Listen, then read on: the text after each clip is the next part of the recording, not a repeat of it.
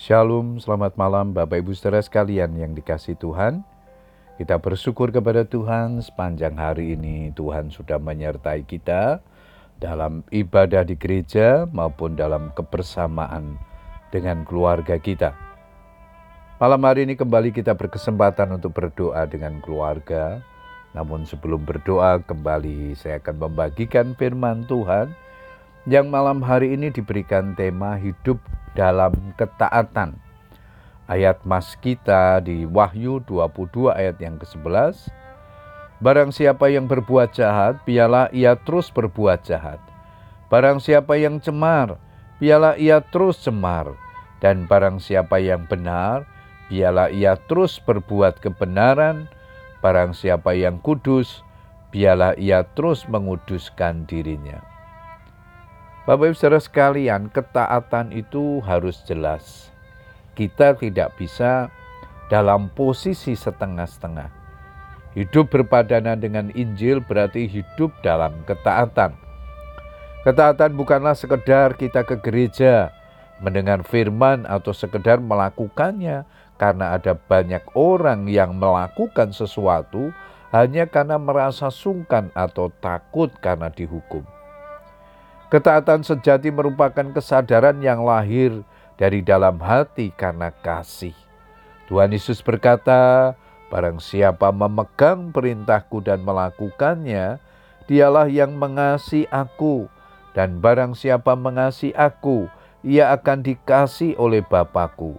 Dan aku pun akan mengasihi dia dan akan menyatakan diriku kepadanya. Yohanes 14 ayat yang ke-21. Selain melakukan kehendak Tuhan, ketaatan akan menuntun seseorang kepada kehidupan yang berkemenangan. Sebab ketika kita taat, kita akan melihat dan mengalami pertolongan Tuhan. Hidup taat memang berat karena ada harga yang harus dibayar. Keinginan daging harus dimatikan, manusia lama harus benar-benar ditanggalkan namun mujizat akan dinyatakan ketika kita hidup dalam ketaatan. Ketika kita hidup dalam ketaatan, kita tidak akan mudah goyah dan akan tetap kuat dalam situasi apa pun, sebab Tuhan menopang orang-orang benar. Mazmur 37 ayat yang ke-17.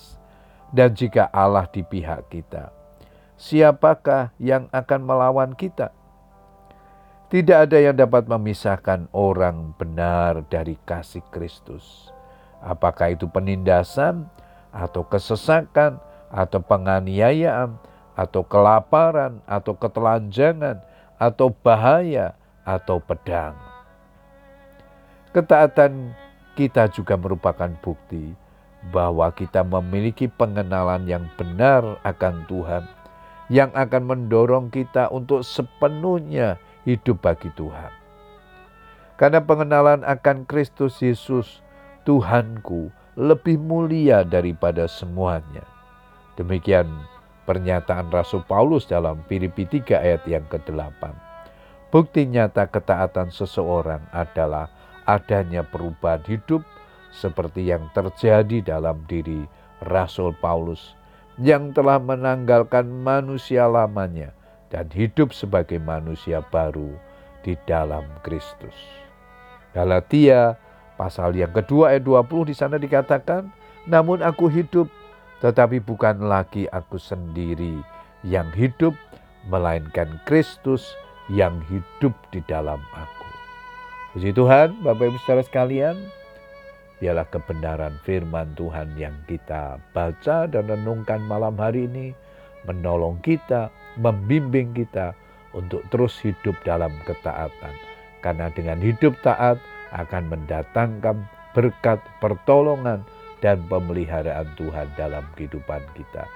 Selamat berdoa dengan keluarga kita. Tetap semangat berdoa. Tuhan Yesus memberkati. Amin.